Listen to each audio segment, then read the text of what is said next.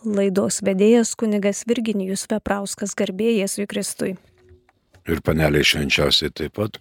Malonus Marijos radio klausytojai girdima laida aktualieji bažnytinės teisės klausimai. Kalbame apie bažnyčią. Įėjimas į bažnyčią šventųjų apieigų metu turi būti laisvas ir nemokamas ateina į pagalbą 937 kanonas.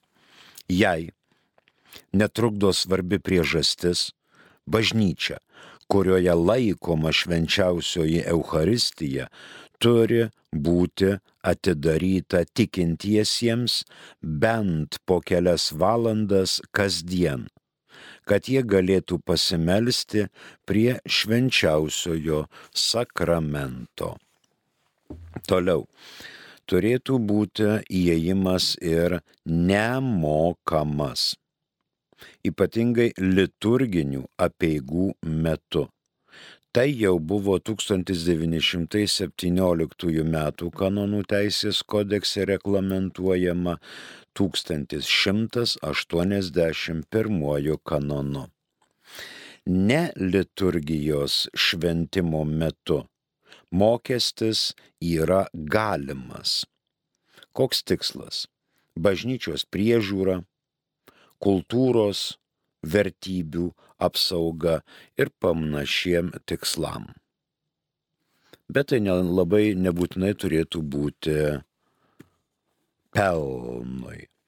Dar ateina į pagalbą 1214 kanonas.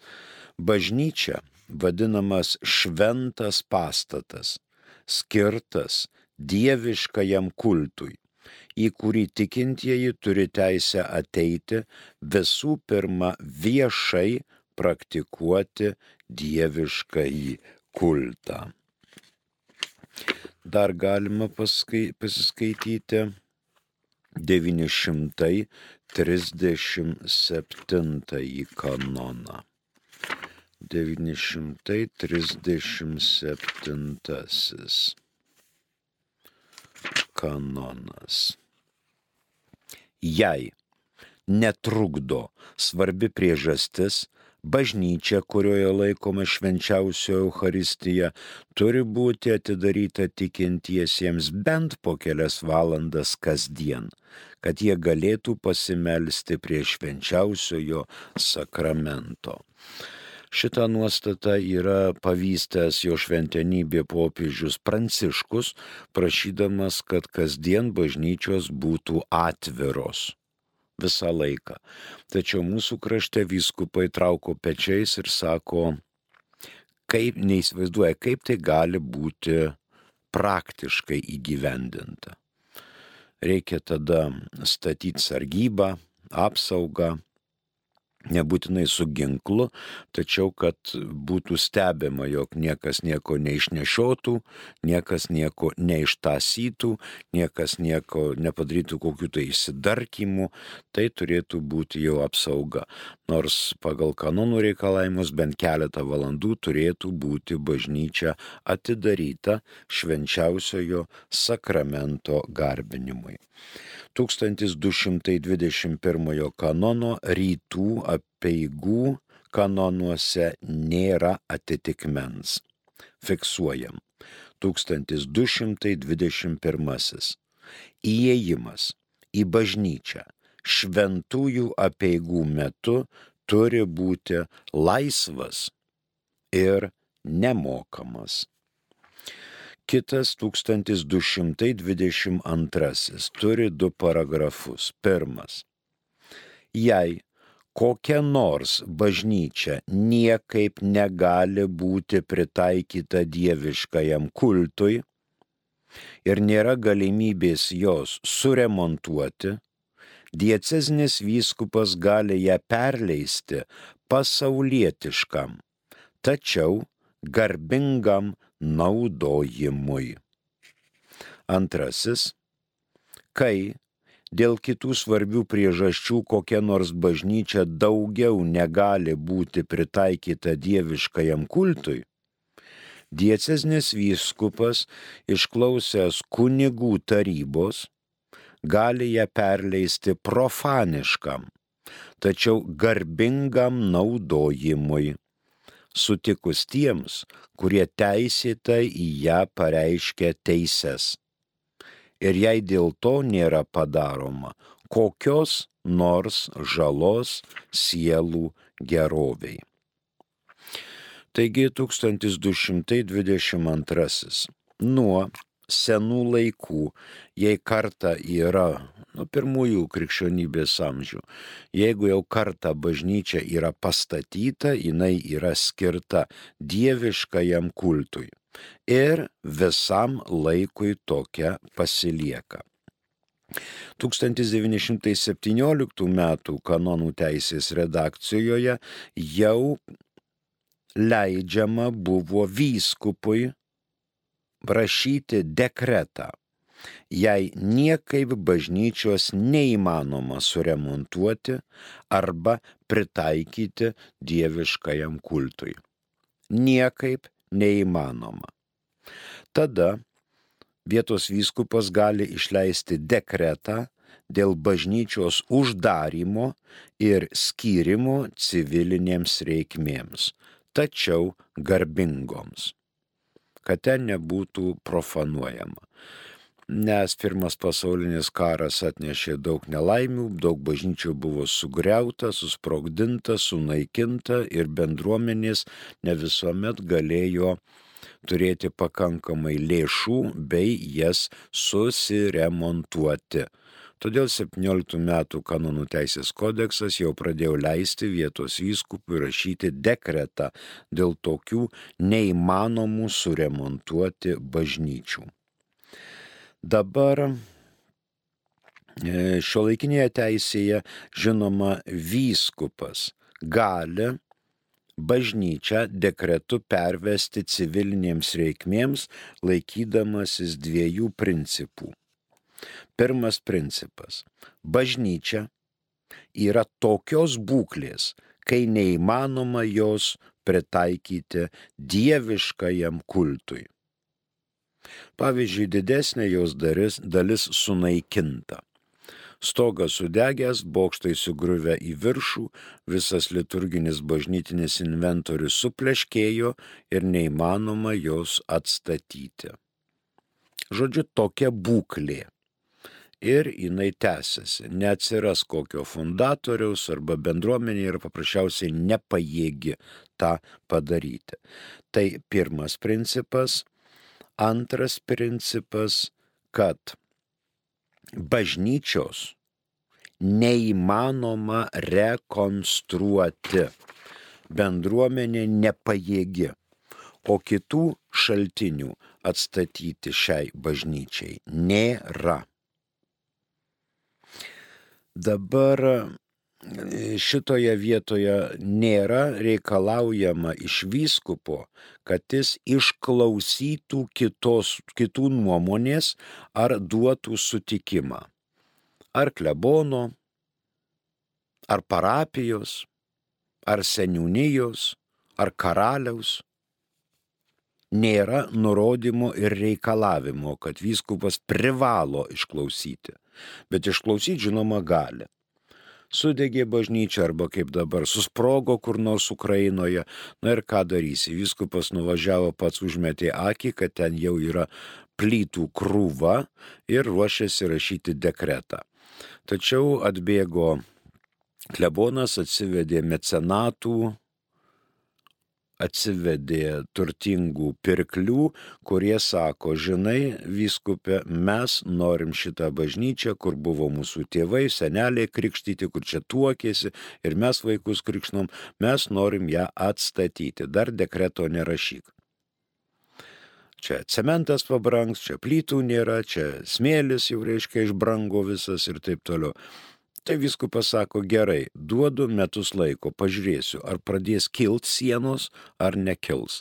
Jeigu čia bus tik tai jūsų žodžiai, brangieji, visuomet esu pasiruošęs šitą dekretą rašyti, nes mūsų parapija, šita mūsų bendruomenė nėra pajėgi tą padaryti. Dabar antroji mintis, bet ją mes išklausysime po žinučių SMS. Prašom. Pasidariau priklausoma nuo Marijos radijo, vis rečiau lankau bažnyčią, mišes klausau ir melžiuosi kartu su radijum. Ar tai gerai? Klausė Janina. Janina žinoma, kad negerai. Nėra tai gerai. Nes e, mišiose dalyvauti, kiekvienam krikščioniui katalikui sekmadienį dalyvauti šventųjų mišių šventime yra privalu. Iš jūsų, aišku, to tikėtis nerealu, nes jūs klausoties per Marijos radiją. Mišios per Marijos radiją padeda tiems, kurie serga, kurie prikaustyti lovos patalo, kurie ligoninėse, kurie negali fiziškai dalyvauti. O per Marijos radiją niekas jums komunijos net neš, o mes nueidami į bažnyčią gauname ir šventąją komuniją, kuri yra angelų duona, dangiška duona ir kuria maitinasi Dievo tauta. Nereikia būti priklausomam nuo Marijos radijo, ypatingai šventųjų mišių metu. Paklausyti, aišku, pamokslų ten labai gerai, net būna, kad ir nuostabus pamokslai, ypatingai iš mūsų vyskupų.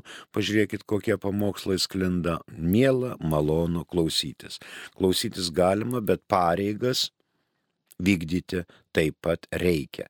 Nėra atleista pareiga nuo dalyvavimo šventosiuose mišiuose sekmadienį, jeigu mes klausome Marijos radijo. Jeigu ten užėjo užkvalas, reikia ligotą, ligotus tėvus prižiūrėti, vaikas sunkiai susirgo ar dar kokios priežastys, tai savaime suprantama, kad išimčių yra. Bet tik tai neusimkite vien klausimų šventųjų mišių transliacijos per Marijos radiją. Ačiū, ponė Janina. Pabandykime išklausyti kitą SMS. Ar vykstant koncertams bažnyčioje švenčiausiai privaloma į kitą vietą pernešti ar ne? Nu, toliau.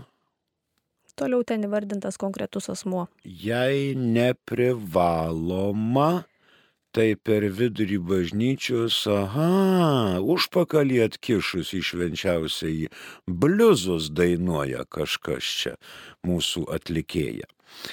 E, matot, reikia pasižiūrėti, kokioj bažnyčioje. Dabar einam temą apie bažnytėlę. Bažnyčioje privaloma laikyti Eucharistiją. Švenčiausiai sakramentą ypatingai parapinėse ir vienuolinėse bažnyčiose parapinėse ir vienuolinėse bažnyčiose. Dabar kur laikomas švenčiausias?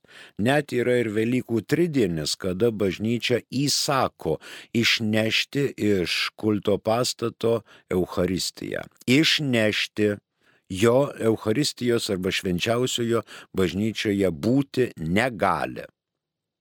Būti negali tai dabar yra dvi vietos. Viena vieta presbiterijoje švenčiausiam sakramentui, kita vieta šoninėje navoje.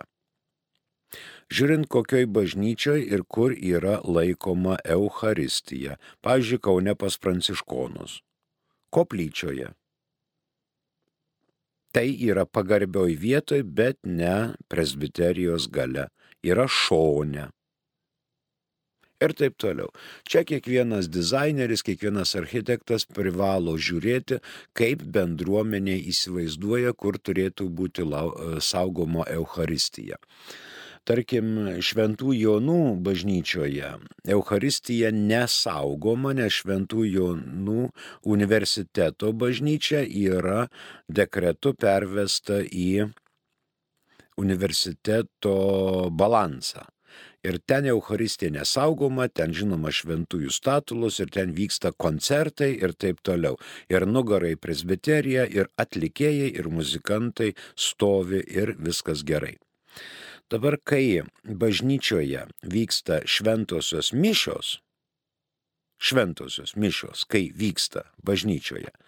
Lygiai, o lygiai tada irgi kunigas stovi nugarą arba užpakaliu į švenčiausią į sakramentą ir niekas nesipiktina. Ir jisai taip pat kaip ir šitą atlikėją, kuri čia parašyta įvardinta, atkišus užpakalį išvenčiausiai, bliuzus dainuoja. Tik pamatykit, kaip tai darosi. Ir kunigas atkišęs užpakalį, skėščioja rankom ir vykdo liturginius veiksmus ir vykdo liturgiją. Tik šitoje vietoje yra žinoma taip. Nuo altoriaus pabučiavimo liturgiškai tabernakulis išnyksta, dinksta, jo nėra. Pats centras persikelia į altoriaus zoną ir čia vyksta Euharistijos šventimas.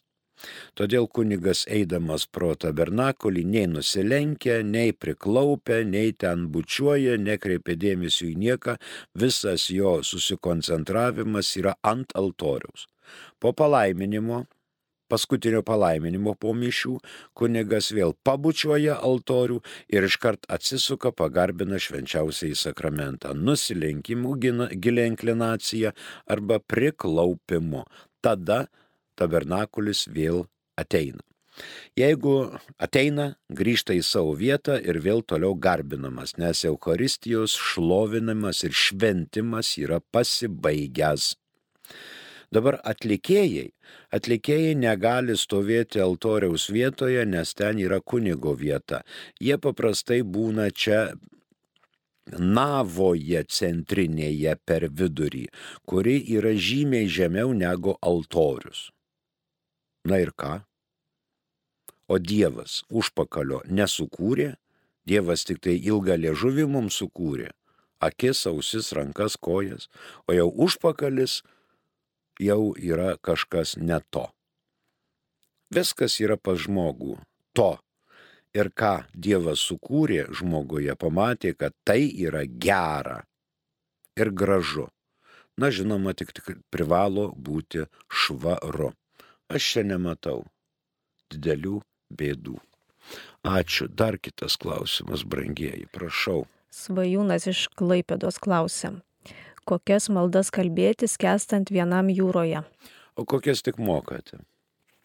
Vis tiek niekas jūsų ten neišgelbės.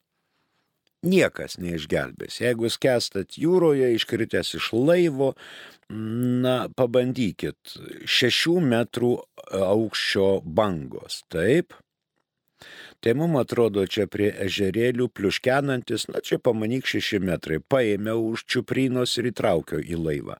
Bet jūs įsivaizduokit, žmogų pagriebi ir bangelį tave su pagriebtų žmogumi kelia į trečią aukštą. Neišlaikysi. Tokio žmogaus neišlaikysi. Pabandyk paimtis žmogų ant, reiškia, ant, ant žemės ir kokiu liftu tave per sekundę į trečią aukštą. Opapa, tai po 0 kablelis ten išsprūsisai ir tu jo neįsikelsi į laivą. Jūra nėra ežeras. Lėktuvas nukrito, jūroje skęsto. Tai jau kol krenti, jau tu ten praradai sąmonę, tieškėsi kaip blinelis ir nespėsi jokių maldų kalbėti.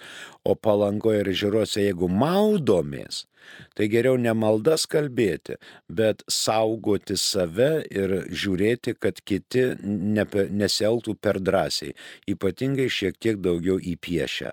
Jeigu matom, kad čia reiškia vyrai tokie, kur jūra iki kelių, reikia pasakyti vyrai, viskas tvarko, reiškia dabar darot niurką ir minat atgal į krantą, kad nebūtų bėdų, nereikėtų čia skėtriot rankom ir šaukti, skęstas, skęsta, gelbėkit, gelbėkit. Jeigu vienos arklio galios berniukas, tai kol tu ištrauksi, tai ten bus bėdų. O jeigu jis įpiešęs, tai čia jam viskas, reiškia, galima iš čia Baltijos jūrą perplauks per pusvalandį. Tai, tai tokių erelių yra. Ir žinoma, skestant. Skestant reikia gelbėtis, o ne maldas kalbėti. Maldas kalbėti reikia rytą vakarą ir sekmadienį. Ačiū. Dabar primenu, kad ketvirtadieniais girdima laida aktualiai bažnytinės teisės klausimai. Dabar jeigu mes įkritom į jūrą iš laivo, kur yra ten e, minus 2 arba plus 4 laipsniai, tai mums yra keletas minučių išsilaikyti vandenyje, kol nebus degradacija, nu, atšalimas bendras kūno, dehidratacija. nes kūnas taigi atšala, pirmiausiai rankos kojos, paskui, reiškia, jų smegenų veikla aptemsta, nes organizmas nepajėgia palaikyti šilumos ir mes tik tai spėkit, kad būtų laiko atsiprašyti Dievo už padarytas nuodėmės. Viešpatie gailiuosi, priimk mano dušę, nes einu pas visus gerbiamus ir mylimus savo protėvius. Va tokį atgailos, la, atgailos aktą bet ne kažkokias maldas, ten litanijas, kryžiaus kelius, rožančius ir panašiai.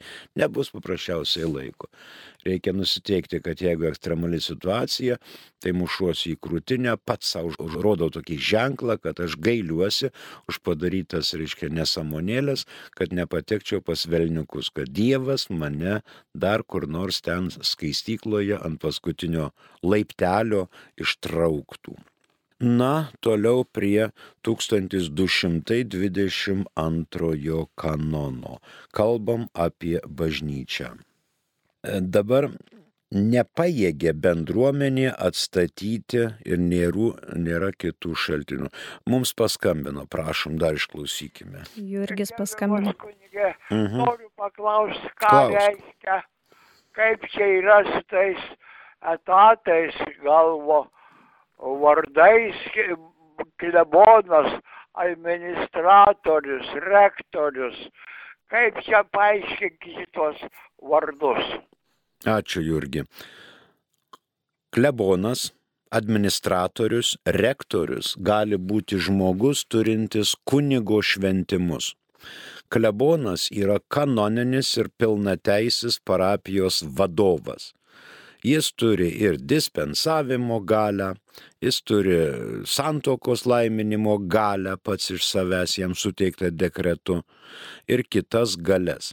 Ir jeigu klebono parapijos teritorijoje yra kitos koplyčios, kurias valdo rektorius, tai norėdamas rektorius teikti santokos sakramentą, atsiklausė klebono, gauna klebono leidimą rektorius yra žymiai silpnesnė kanoninė pozicija nei kad klebonas.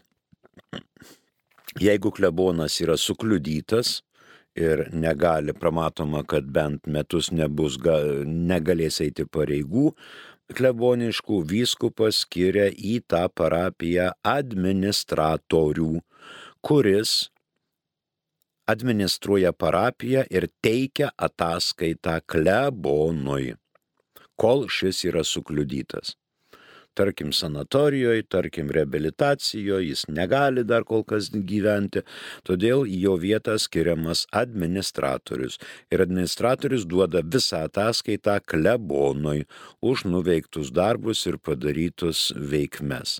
Ir klauso klebono nurodymų klebono nurodymų vyskupas, net ir vyskupas atšaukti negali. Kadangi klebonas prieimė tokį sprendimą ir šitas sprendimas yra vykdomas. Tačiau vyskupas gali patį kleboną nušalinti nuo pareigų ir pastatyti kitą kleboną į tą parapiją. Kaip šventasis raštas sako, radau Dovydą, Jesės sūnų, kuris įvykdys visus mano vyrą pagal savo širdį, kuris įvykdys visus mano norus. Tai va, įvyskupas ieško tokių e, kunigų, kuriuos gali statyti į klebono poziciją, kurie vykdys visus vyskupo pageidavimus ir norus. O administratorius irgi yra žymiai silpnesnė pozicija negu klebonas. Bet ir klebonas, ir rektorius, ir administratorius yra vyrai turintys kunigo šventimus ir vyskupo nuomonę galintys vykdyti kleb, parapijos klebono pareigas. Ačiū Jurgi. Keliaunam toliau. Dabar antra mintis prie 1222. Vyskupas išleidžia dekretą, jei ši ar kita bažnyčia nėra vien griuvėsiai. Apgriuvus, apsprogdinta ten skylės sienose nuo pabūklų, ar panašiai, bet jau žmonės iš ten išsikėlė, pavyzdžiui, išvežti į Sibirą ir bažnyčios veikloje nedalyvauja. Tada vyskupas prieš išleisdamas dekretą išklauso pirmą kunigų tarybos nuomonės.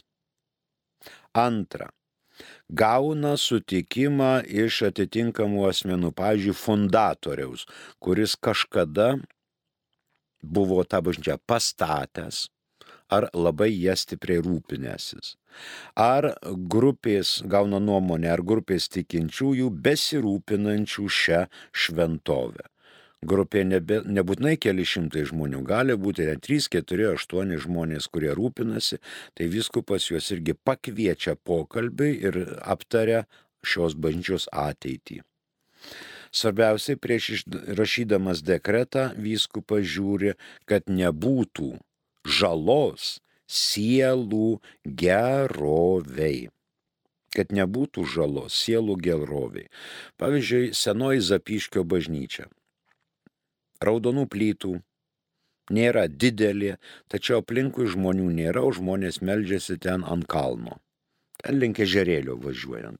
Ir vyskupas prieimė sprendimą atiduoti civiliniam reikmėm, bet kad nebūtų tas e, ten profanuojama, kad nebūtų priešinga tikėjimui ar moraliai renginiai.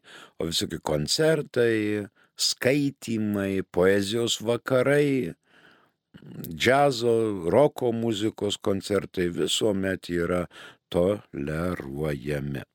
Vyskupas žiūri, kad nebūtų žalos sielų geroviai.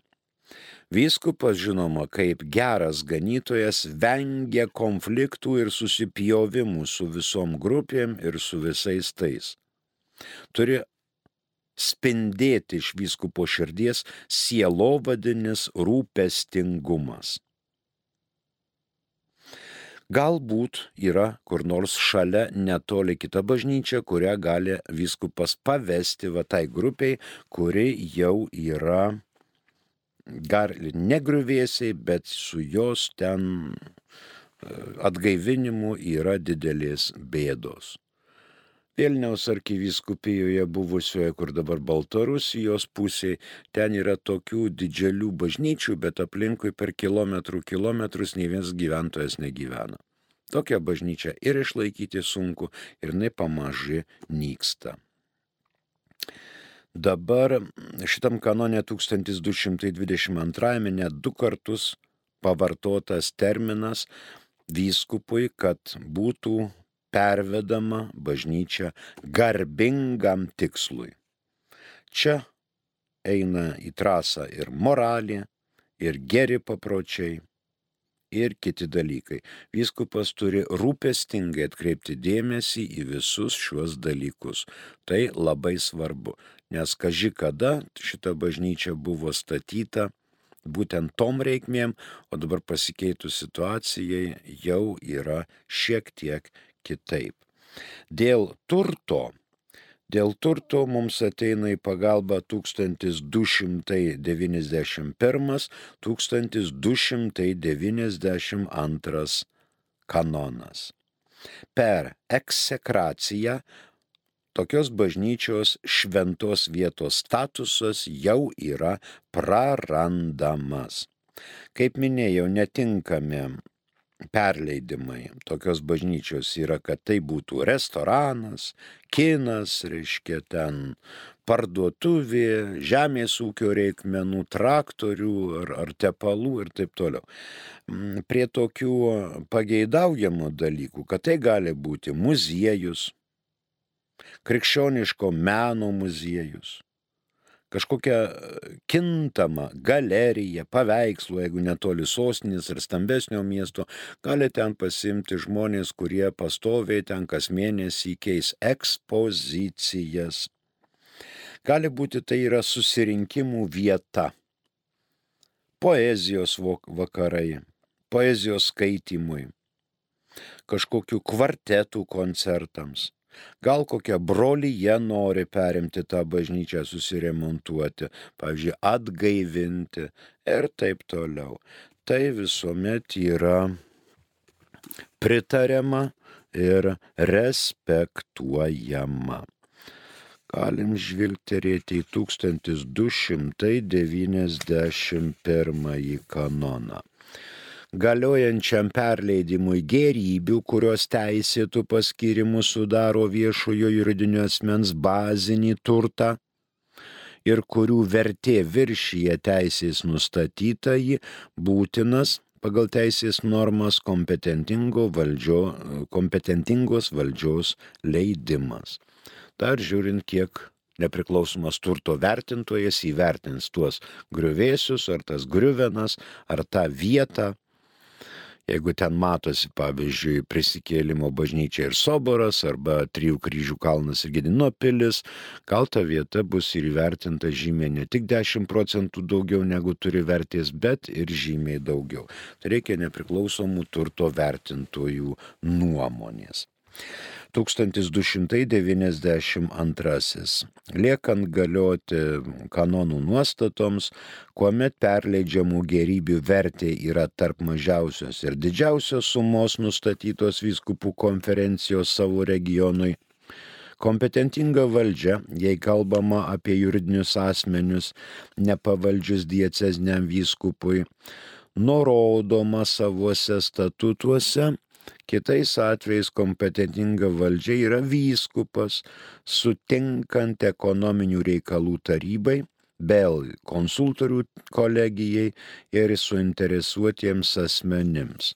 Taip pat jų sutikimo reikia pačiam diecezniam vyskupui, perleidžiant vyskupijos gerybės. Tai pirmas kanonas. Antras Tačiau jei kalbama apie daiktus, kurių vertė viršyje nustatyta didžiausia suma arba apie įžadinius dovanojimus bažnyčiai arba meninės ar istorinės vertybės, galiojančiam perleidimui dar reikalaujama šventojo sosto leidimo. Trečias. Jei perleidžiamas daiktas yra daiktas dalus prašant leidimo jį perleisti, turi būti nurodytos prieš tai perleistos dalys. Kitaip leidimas yra negaliojantis, kad nebūtų vieną mėnesį vieną dalį, kitą mėnesį kitą dalį ir žiūrėk išparceliuotas visas turtas. Ir ketvirtas. Tie, kurie duodami patarimą ar sutikimą privalo dalyvauti gyrybių perleidime, neturi duoti patarimo ar sutikimo, jei prieš tai nebuvo išsamei susipažinę tiek su ekonominė juridinio asmens, kurio gerybė siūloma perleisti padėtimi, tiek su jau padarytais perleidimais. Tai čia įeina žinoma jau kita, kita, kita, kita simfonija. Rytų kanonuose, kaip minėjau, šio atitikmens nėra, Tai yra, yra 873. 1222 pabaigtas, dabar fiksuojam du paragrafai. Jei kokia nors bažnyčia niekaip negali būti pritaikyta dieviškajam kultui ir nėra galimybės jos suremontuoti, dieceznis vyskupas gali ją perleisti pasaulietiškam, tačiau garbingam naudojimui kai dėl kitų svarbių priežasčių kokia nors bažnyčia daugiau negali būti pritaikyta dieviškajam kultui, diecezinis vyskupas išklausęs kunigų tarybos gali ją perleisti profaniškam, tačiau garbingam naudojimui, sutikus tiems, kurie teisėtai į ją pareiškia teisės ir jei dėl to nėra padaroma kokios nors žalos sielų geroviai. Tai šiandien tiek. Prie mikrofono dirbo kunigas Virginijus Veprauskas, smagių atostogų, gražaus šilto vakaro, garbė Jėzui Kristui.